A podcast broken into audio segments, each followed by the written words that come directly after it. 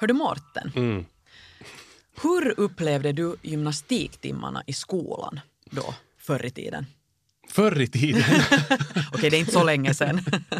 det var nu ändå 80-tal, men att no, men förr i tiden ja, är det väl okej. ändå. Ehm, I största allmänhet nog jättepositivt. Jag tyckte jättemycket om det för att eh, jag har alltid tyckt om idrott och, och, och de flesta eh, saker vi utövar så passar nog mig. Mm, du var bra på idrott så att säga. Jag var faktiskt, ja, jag var nog, hörde nog till de, de bättre och jag faktiskt tävlade också ganska mycket på skolnivå och vann en massa silverskedar om jag minns rätt. Mm. I allt möjligt. Så att jag, jag tyckte nog om gymnastiken. Hur är det med dig? Jag har egentligen helt samma svar som du. Jag, jag tyckte jättemycket om gymnastiken och, och har också några silverskedar och diplom där hemma som jag inte vet vad jag ska göra med. Men, men ähm, ja, för mig var det, det var bara roligt. Men Mm. Jag inser också att det, det var ju inte så, så för hela klassen heller. Nej, verkligen inte. Och det är kanske lite det vi ska tala om idag. Precis. Ni lyssnar på Efter nio radio här tillsammans med Morten Svartström och mig Sonja Kailasari. Och I det här programmet så utmanar vi ju våra gäster, eller så ibland utmanar de sig själva att eh, i en veckas tid testa på att leva på ett annorlunda sätt, att bryta en vana eller bara ändra på någonting i sitt liv för att eventuellt komma fram till en förbättring eller, eller till en insikt. Och som vi diskuterade här lite tidigare så idag ska det handla om, om gymnastik. Ja, vi ska idag tala om att röra på sig, närmare bestämt om hur man som gymnastiklärare borde och kan få eleverna mer aktiverade, att få dem att röra på sig mer och att helt enkelt gilla skolgymnastiken. Det här är säkert, som vi konstaterar, lättare sagt än gjort, uh, åtminstone vad gäller alla elever. För som sagt, det finns väl alltid de som tycker att jumpa inte det allra trevligaste i skolan. Veckans gäst är Pia Kajärvi som är gymnastiklärare i Hagelstamska skolan i Grankulla. Och i det här programmet så brukar vi alltid också ha med oss en expert och idag kommer vi att få träffa Mikaela Wik från Folkhälsan. Hon jobbar som sakkunnig i fysisk aktivitet och hälsa och har säkert en hel del aspekter kring det här. Dock inte bara på, på skolplan men kanske också lite allmänt sådär att hur vi borde röra på oss mera. Mm. Som sagt, veckans gäst i Efter nio radio är alltså jumpaläraren Pia Kajärvi som har antagit utmaningen att försöka få sina elever mer aktiverade och motiverade av skolgymnastiken. Under den här veckan har Pia också bandat in några så kallade vox-pops åt oss, det vill säga några korta intervjuer med sina elever där hon har frågat dem vad de anser om jumpan och hur man eventuellt kunde förbättra undervisningen i gymnastik. Mer om det lite senare, för nu ska vi välkomna henne in hit till studion. Hjärtligt välkommen Pia Kajärvi. Tack så mycket. Um, Före vi tar itu med den här utmaningen och hur den här veckan har gått och eh, ja, vi får ta del av de här klipperna som du har, har lagat så tänkte jag helt kort så här i största allmänhet, vad är egentligen målsättningen med skolgymnastiken och, och hur mycket gymnastik är obligatoriskt?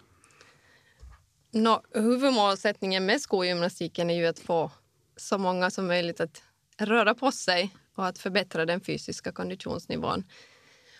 Och eh, i den nya läroplanen så står det tydligt just om det här den psykiska och sociala hälsan är också viktig.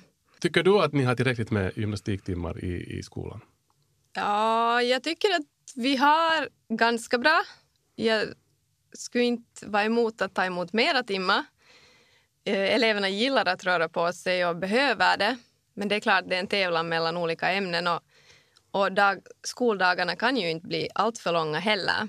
Men just nu har vi 90 minuter per vecka. Så varje elev i högstadiet har 90 minuter. Det finns länder där de har mycket mera.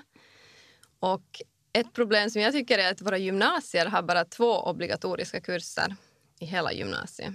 Så du har en kurs i en period Mm. på ettan och en kurs sen när du går i gymnasiet tvåan. Det låter jättelite. Ja.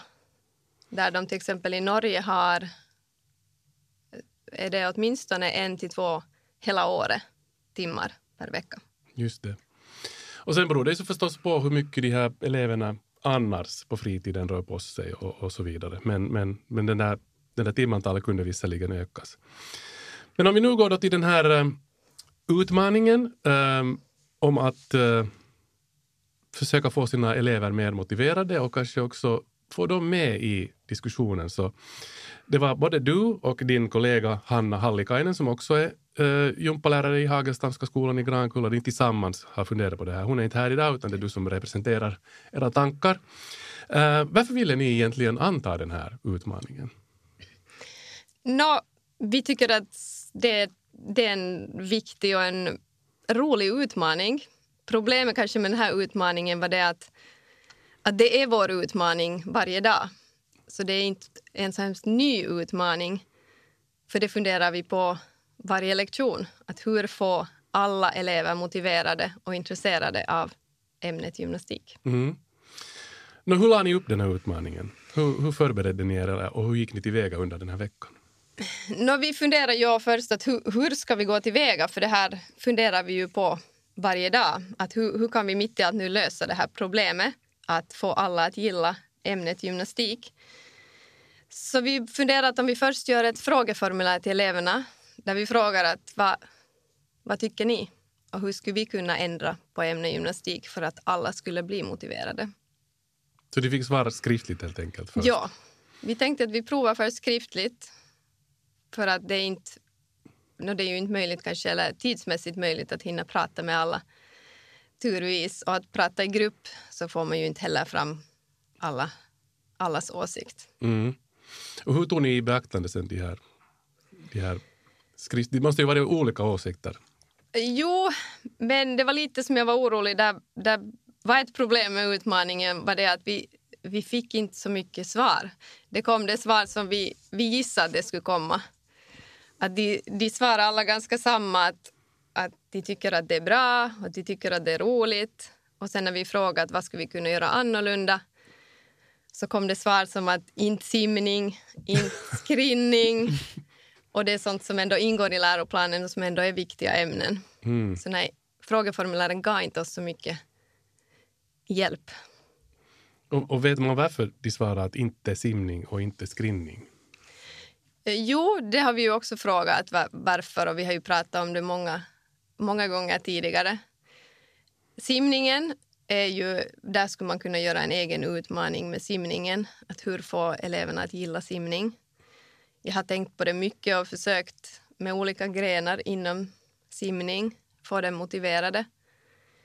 Men ändå är det ju ett problem när man kommer till en simhall och du ska klä av dig och du ska, du ska duscha. Och, så det är så mycket regler i simhallar att jag får själv ibland så när jag kommer in i en simhall att borde jag bara säga förlåt att jag ens kommer in här nu för det, det är så mycket regler och de eleverna märker det också. De får alltid höra av andra besökare att de gör fel och mm.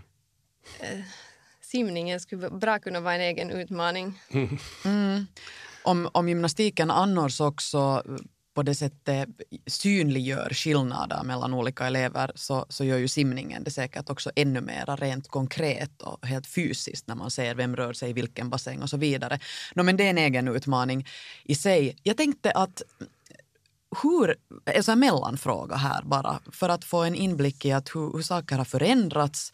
Så när du gick i skolan på, på 90-talet, så hur såg gymnastiklektionerna ut då och om du jämför med dem som du drar idag? Uh, jag har positiva minnen från min skolgymnastik, precis som ni också berättade att ni hade. Uh, det som kanske skiljer mycket åt är grenarna. Vi har nya grenar. Um, och vi har mera kanske grenar idag. Att då hade vi många, många veckor av korgboll och många veckor i följd av skridskoåkning och nu har vi mera ett bredare utbud. Betyder det att man, man varje vecka gör någonting nytt, att man inte sysslar med samma sak många veckor i sträck? Eller? Ja, jag har nu för tillfället varje vecka någonting nytt. För att så många som möjligt skulle hitta motionsgrenar som de skulle gilla att göra på fritiden. Men nu finns det ju många som skulle vilja ha mer av fotboll och mera korgboll och men sen tänker jag oftast att det är de som ändå rör på sig på fritiden. Och de har ändå sin motionsgren som de håller på med. Så genom mm. att ha ett bredare utbud tror jag att jag kan nå fler jag tycker det är härligt att, att det är så mångsidigt i dagens läge, för jag kommer också ihåg att det inte var kanske så mångsidigt då tidigare, att man har ju ett otroligt utbud då att tillgå från. Mm. Ja, vi har nog, vi har också turen att vi har fått hjälp från staden med olika grenar, så det är många, många grenar som vi kan göra lätt. Och nu till exempel förra veckan hade vi en ny gren som inte så många heller hade provat på, eh, som heter pickleball. Mm. Vad sa du? Pickleball. Okej, okay. vad är det då? det är som en blandning av, eller det är som minitennis, men du spelar det på en badmintonplan och sänker badmintonnäten. Och så har du en racket som kanske mest påminner om en pingisracket, lite större. Och så har du en boll som kanske mest påminner om en innebandyboll. Och allt som är nytt gillar ju eleverna. Så det här var igen ett exempel på att då får alla, alla testa på någonting nytt och alla är på samma nivå. Mm. Precis, det här är säkert en väldigt viktig ja. psykologisk grej också. Mm. Och som utlovades här i början av programmet också så kommer vi att få lyssna på ett par sådana ljudklipp där du har talat med dina elever och vi ska börja med ett första klipp och här har du tillsammans med, med några elever funderat på den här utmaningen och här får du själv Pia svara på några frågor uh, som de ställer dig. Vi ska lyssna. Jag har tillsammans med elever från Hagestadska skolan funderat på utmaningen Hur få alla att gilla skolämnet gymnastik? Nu har en elev som frågar mig några frågor. Uh, om du märker att någon är rädd eller obekväm på gympatimmarna, hur brukar du lösa det? Om någon är rädd eller obekväm, då är det viktigt att göra det så tryggt som möjligt för den eleven genom till exempel att inte sätta den i en svår situation. Och sen brukar jag prata med eleven för att få reda på vad som ska göras så att det känns bra att komma till skolgymnastiken. Hur löser du en situation om någon inte är motiverad till gympan och har dålig attityd redan från första början? Om en elev har dålig attityd till gymnastiken försöker jag prata med eleven och försöka komma på lösningar som skulle motivera. Bland annat genom att ha olika, olika grenar och försöka ha så varierande lektioner. Vad är det största problemet inom gympan från lärarens perspektiv? Mitt största problem är nog säkert det att få så många som möjligt eller så gott som alla att gilla ämnet. Och problemet är då att få en så trygg grupp och så bra gruppande som möjligt så att lektionerna fungerar bra så att så gott som alla gillar gymnastiklektionen. Vilka bra frågor de ställde dig.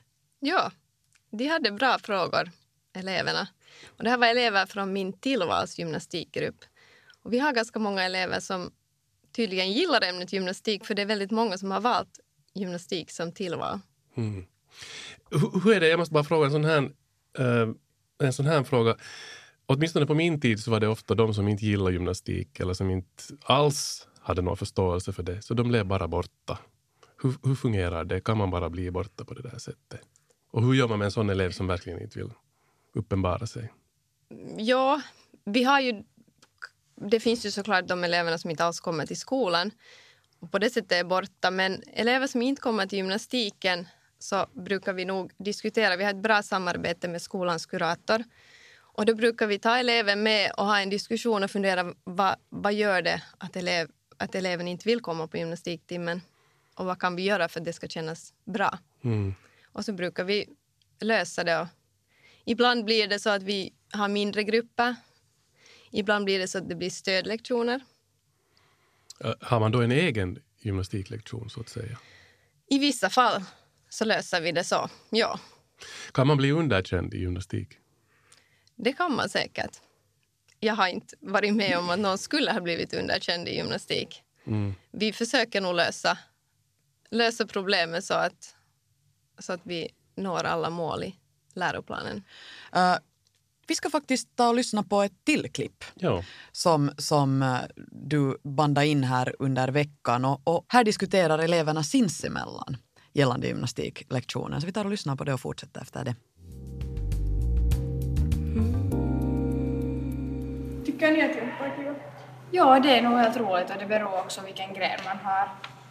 Ja, det, det är ganska individuellt men jag tycker att det är ganska roligt i alla fall. Vad är det sämsta med jumpan, eller tråkigaste? Nå, kanske skrinning när det är så lång väg och sen måste man bära på de där sakerna. Jag tycker själv att liksom lagsporterna är inte så kiva Att vilka mer så här, att man är ensam. mer om ensam. Ja, ensam. Ja. Hur tycker ni att man kan ändra det liksom? Uh, no, det är ganska svårt att ändra när det är alltid någon som inte tycker om det. Men ja, Men man kan ha så här varierade grejer så att alla får göra sin liksom favoritgren i någon alla fall. Ja. ja. Nå, hur tycker ni att liksom man kan förbättra jumpan för alla? Att alla ska tycka att det är roligt? uh, nu har mycket olika grenar så att alla får testa på sin liksom, egen sak. Att alla får ha, att det är någonting som någon i alla fall tycker om Ja, det var typ samma sak. Vad är er favoritgren? jumpan. Ja. Uh, no, jag tycker just om mer så här kanske något med bollar att göra eller liksom just här lagsporter, typ salibändy. Men jag tycker om skrinning. Så det är sådär. Men ja. Tack. Tack. Tack. Gymnastiklärare Pia Kajärvi, här kom ju några konkreta tankar fram då. Vad har du mest funderat på själv av allt det som dina elever kom fram med under din vecka? No, jag har just funderat på att här finns ju många nya utmaningar för mig. Det här med att skrinningen och inte orka bära sina, sina skridskor med sig är ju såklart ett problem. Men det är faktiskt ett problem tycker jag också, de här förflyttningarna. Att de tycker det är jobbigt att röra sig från skolan till bollhallen. Även om det är relativt korta sträckor vi har inom Grankulla. Och till simhallen blir det allt för långt så då vill de helst ta bussen. och de, just det här med vardagsförflyttningar tycker jag väckte mig nya idéer om att det är ju en ny utmaning det. Jag ger dem tid. De säger att de inte hinner ibland och att de får bråttom sen till maten men jag brukar nog ge dem tid till förflyttningarna också.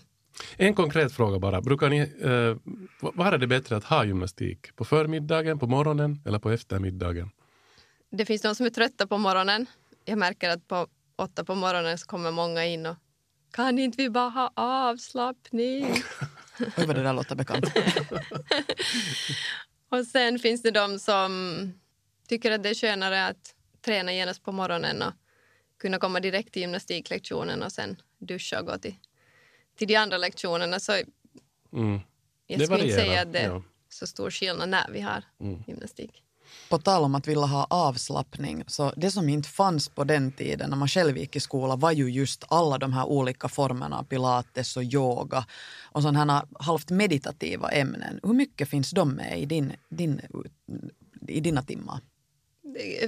Ganska mycket nog. Ja, de vill ofta ha yoga. Vi, vi har också massage, Oh. tändningar, avslappning i olika former. Så de, de gillar nog testa på allt. Mm. Och de vill gärna ha så här lite lugnare och meditativa lektioner. Så en hel del blir det ju. Mm. Nej, det, låter, det låter bra mångsidigt fortfarande. Um, vi fortsätter diskussionen med, med Mikaela Wik som är här som expert idag. Hon, eh, hon jobbar på folkhälsan och är insatt i det här med fysisk aktivitet och hälsa. Och du lyssnar på Efter nio radio här tillsammans med Morten Svartström och mig Sonja Kailasari. Och idag talar vi alltså om ungdomar och skolgymnastik och hur man ska motivera unga till att gilla gymnastik. Och med oss sitter också gymnastikläraren Pia Kajärvi.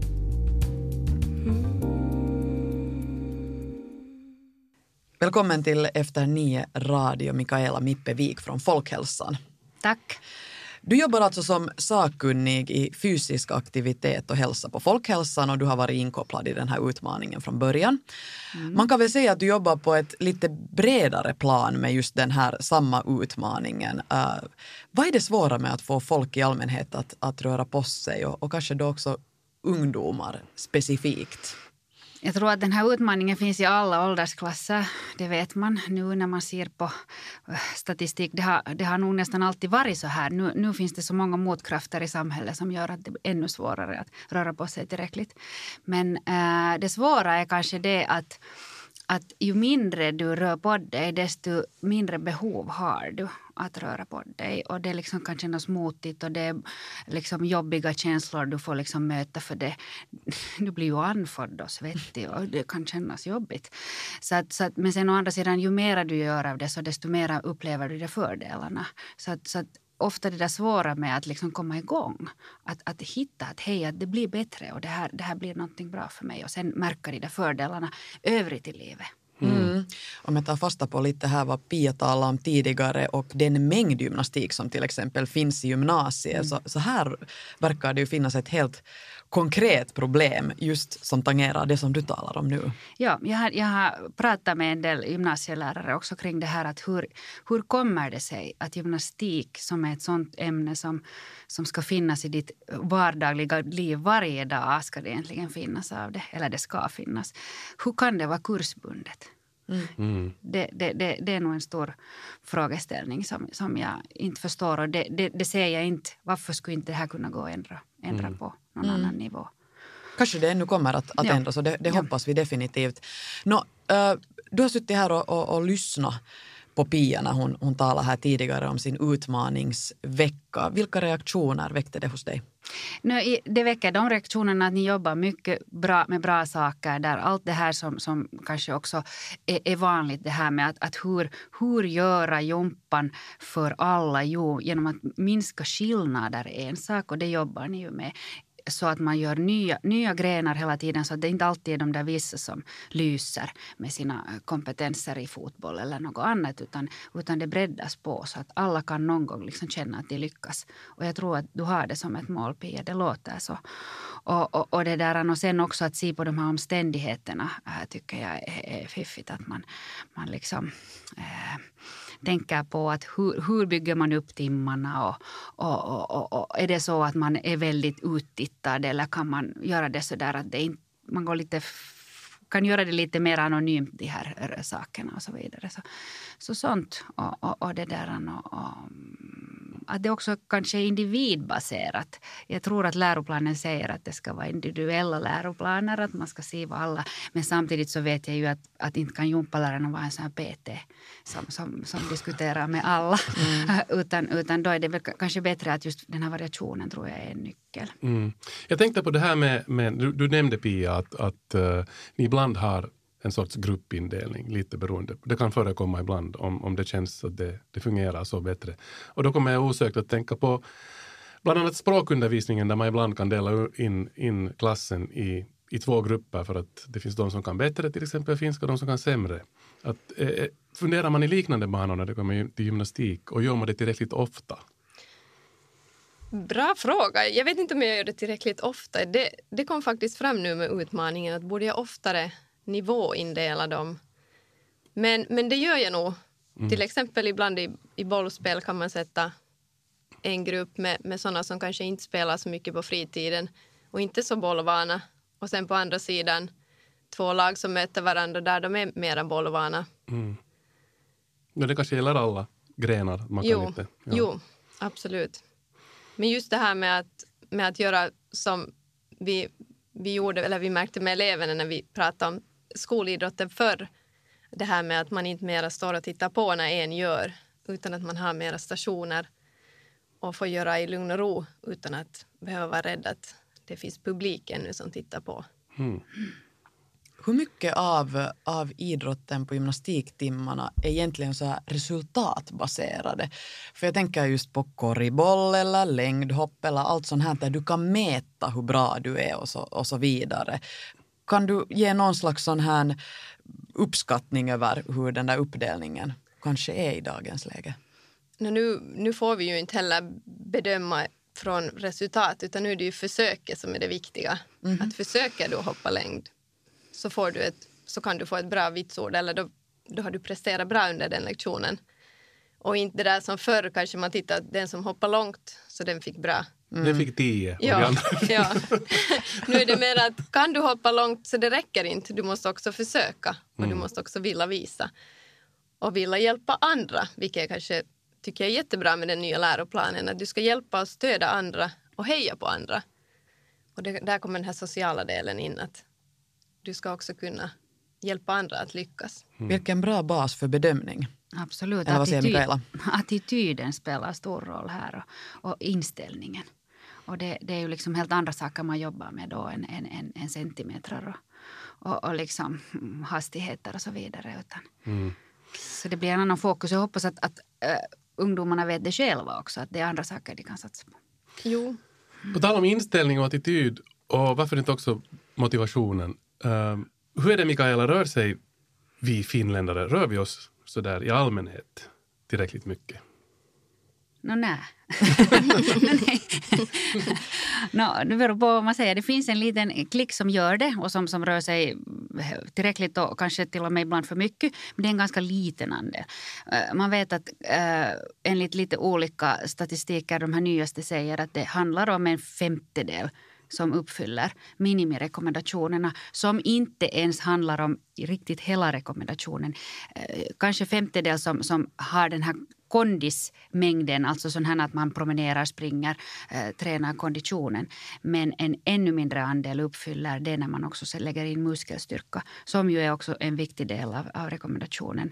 Två, tre gånger per vecka borde man träna muskelstyrka och då kommer vi bara upp i 11 procent som uppfyller de rekommendationerna. Så med det i åtanke så vet vi att det är säkert ganska många som har dålig kondition. Mm.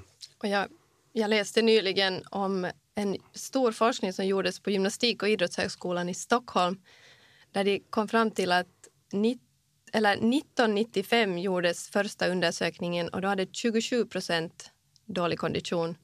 Nu gjorde de samma på nytt, mätte de maximala syreupptagningsförmågan och 46 procent har då alltså dålig kondition. Av, det, och det var en ganska stor forskning, jag tror att det var kring 350 000 personer de hade mätt på. Och dålig kondition betyder alltså? Låg kondition stod det. Men... Det finns mm. olika sådana låg mellan, det finns en sån här liksom klassificering. Och låg är det sämsta. Så att det... Oj nej. Hur mycket spelar hemförhållandena in när du ska vara motiverad av motion och gymnastik? Var dina föräldrar eller dina syskon, hur, mycket, hur aktiverade de är? Ja, no, eh, ska vi säga så här att, att det är klart att det spelar stor roll. Det, det, de fungerar som förebilder, de som finns i hem. Det finns nog exempel på uh, ungdomar och människor som rör på sig trots att ingen annan i deras familj har rört på sig. Men, men överlag är det nog så att de där förebilderna har den där större rollen. Och det är kanske en sån där effekt som man ser sen i vuxen ålder. Att om man kan, ja, jag har själv en ungdom hemma som kanske inte alltid rör sig tillräckligt. Men, men man vet att, att, att om det finns ett exempel hemifrån så tar de upp det kanske senare i livet. Om det inte just då är det där. Eh, så, att, så att det har nog mycket längre effekter än man tänker. Och kommer det redan från riktigt liten som när man börjar ta sina första steg, att man har tillåtelse att pröva sina gränser så vet man att det har långtgående effekter. Mm. Och man vet också att den attityden till jumpan är annorlunda också i ungdomsåldern om man har börjat tidigt. Det är inte för sent om man börjar i ungdomsåldern heller. Att, att, det där, att, att få, få liksom sin egen väg, hitta sin egen väg. Är det här också något som du har märkt, Pia? Hemförhållandena, de inverkar på hur intresserad man är av gymnastik? Jo, det gör de. Jo, men vi har ju, jag tycker att våra elever är nog många så positiva till det här ämnet att um, det är roligt att se att hemmen satsar på, på fysisk kondition och, och de, de tycker att det är ett viktigt ämne. Sen finns det ju den andra aspekten också att man kan förstås uppmuntra ihjäl ett intresse. Så att, men då går vi sen in på den här idrotten och, och, prestationer och träning och sånt. Men det är ju ett annat kapitel. Men, men där kan man också vara förebild och vara snäll i den, den formen att också utgå från ungdomens intressen och, och också stressnivåer och så vidare. Att man liksom sätter det i perspektiv och inte sätter den där stora pressen på, mm. på att, att hela tiden prestera. Definitivt. Mm. När du Mikaela har suttit här och, och, och lyssnat på, på Pia och, och, nu också varit inblandad i den här skolgymnastiken. Du som jobbar med de här frågorna på, på ett bredare plan. Hurdana insikter fick du här under veckan bara genom att samarbeta med, med Pia och, och tankar som föddes? No, en sån insikt över att wow, att, att, att liksom jag tror att skolgympan kanske eh, är inte i den form som den finns. Så det är sen en annan fråga, att finns det tillräckligt av det? Men det att, att äh, läroplanen ger jättefina äh, fin grund för att, att åtminstone på gympatimmarna göra liksom, äh, gott. Äh, sen finns det liksom utöver det mycket utmaningar. Hur ser det ut resten av, av, av skoldagen? Hur ser det ut på efter på kvällen, på eftermiddagen, veckoslut. Jag tror att där har vi de största utmaningarna faktiskt. Mm hur aktiva är, är ungdomar på, på rasterna och hur aktiva är de när man tänker på att förflytta sig till skolan eller bort? Man vet att i Finland är det ett ganska bra läge när det gäller lågstadie eller vad, vad kallar man de här lägre klasserna. Man vet att det uppmuntras till aktiv transport, alltså att man tar sig själv till skolan och man bor tillräckligt nära. Man vet att, att den här skolan i rörelse har, är väldigt, det, det, är alltså ett spetsprojekt från, från eh, ministerierna eh, som, som, som har ett sånt här som mål att alla skolor ska vara med i det, ett program alltså. Och, och där är det jätteviktigt med rastaktivitet och, och, att man får in rörelse i lektionerna och så vidare. Eh, så det är ganska bra på, i de här lägre klasserna. Men sen vet man när man kommer till äldre klasserna så ser man på all statistik att det går plötsligt så sjunker all aktivitet och, och, och, och, det där det går ganska lågt ner. Att det är bara under 20 procent som rör sig enligt rekommendationerna av 15-åringarna till exempel. Så, så på det sättet är läget ganska huisig skillnad från att vara nästan hälften i lägre klasserna så går det snabbt ner där. Oj, vad händer där egentligen? Ja. Det, det, är intressant och det kunde forskas mer i det. Men man vet att skolan har en jättestor roll för de som rör sig för lite. Så där skulle skolan nog kunna göra mycket mycket mera för de högre klasserna. Ja, vi har, vi har faktiskt lite behov av en utmaning där med, med tanke på rasterna. Att jag märkte att jag, var, jag jobbade några år i skolan så var jag hemma med småbarn. Och när jag kom tillbaka till skolan så märkte jag att vad tyst det är i korridorerna. Eller den första dagen när jag kom tillbaka. Så jag, vad är det? Här är massa människor runt mig men det är jättetyst. Men alla sitter med sina mobiltelefoner. Mm. Och, och, det var en väldigt tydlig skillnad mm. från tidigare. Man är social på ett annat plan, så ja. att säga. Ja. Det här var alltså nu, vilka, vilka år, årskurser var det här nu då? Det här är högstadiet. Högstadie, ja just det. Mm. Så att, 7 till 9. Mm. Att hur, det, det ska vara roligt att prova en vecka. Inga mobiltelefoner på rasterna heller. Att skulle eleverna börja prata med varandra Abstinensbesvär. Ja. Men det låter som en bra kampanj. Ja. Why ja. not? Se vad som händer. Ja, liksom mera nyfiket. Ja, det här är ett experiment. Vi testar på det här och, och, och sen får de ge sina insikter. Ja. ja. Uh, och sen vet man ju också att, att ofta i lägre klasserna så, så är det krav att barnen ska gå ut på rasten. Men det är det ju inte kanske i... Eller jag vet inte, men, men en del högre, alltså högstadier kanske har det. Men jag tror inte att det är så vanligt. Mm. Nej. Borde man börja eh, implementera äh, gymnastiken så där i alla skolklasser att okej, okay, nu före vi börjar den här undervisningen så gör alla tio kykyn? Men det finns ju den. Ja. finns det? Jo, det okay. finns. Det är just det här allt med röra sig i skolan och, ja. och det här att, att du ska röra på dig under andra lektioner också. Mm.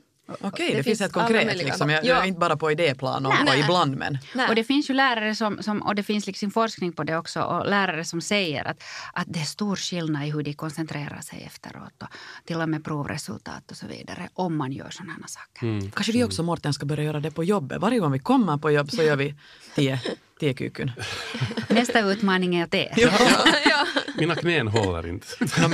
Nej, jag skämtar. Jo, absolut. Något sånt kan man ju alltid göra. Men där igen, gymnasieeleverna pratar just om det här att de saknade, för i högstadiet hade de rörelse i skolan och, och under lektionstid fick de röra på sig. Mm. Och nu ser de att de har ont i ryggen och de, de tycker att de har svårare att koncentrera sig för de får inte den här korta lilla pausen som gav dem så mycket. Oh no, men allt hänger ju ihop. Ja, ja. gymnasiet ser annorlunda ut och yrkesskolor är det ännu, ännu mindre andel som rör sig tillräckligt. Så att, så att andra stadier är en utmaning. Mm. Pia Kajärvi, gymnastiklärare i Hagelstamska, Hagelstamska skolan i Grankulla. Um, vad har den här veckan gett dig nu? Vad har du kommit till för insikt och hur kommer du att gå vidare? Nu jag har kommit till den insikten att, att den här utmaningen ska jag fortsätta ha i tankarna varje dag.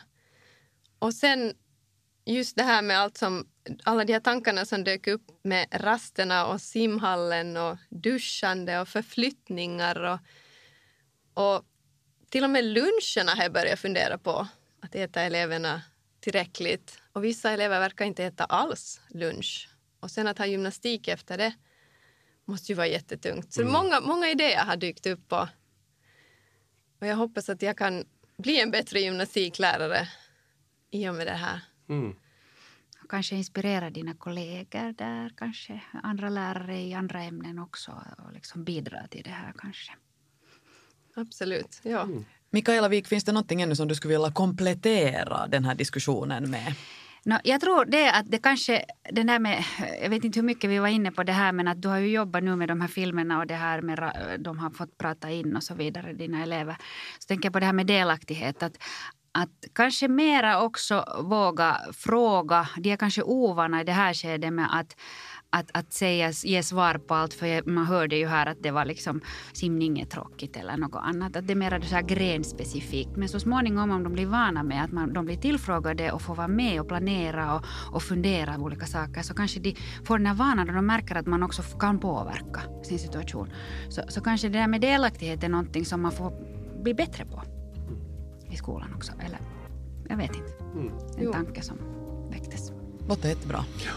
Stort tack till er. Tack för att ni var med och, och tack Pia Kajärvi för att du antog den här utmaningen att, att eh, motivera dina, dina elever mer i gymnastik och hoppas att det blir en förbättring. Tack. Jag hoppas också. Tack Mippe, Mikaela Mippe Wik för att du var med och eh, gav din syn på saken. Tack. Mm. vidare. Här kom ju fram också andra, andra tips vid sidan om, inte bara för elever utan för oss, för oss lite äldre också. Så det var väldigt givande. Tusen tack för det här. Vi återkommer igen nästa vecka här med Efter Nya Radio med nya gäster och nya utmaningar.